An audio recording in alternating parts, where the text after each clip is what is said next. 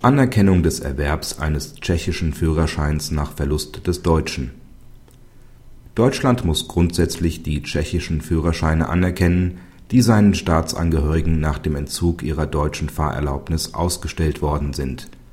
Deutschland kann jedoch die Anerkennung dieser Führerscheine verweigern, wenn sich aus dem tschechischen Führerschein oder aus Informationen aus der Tschechischen Republik ergibt,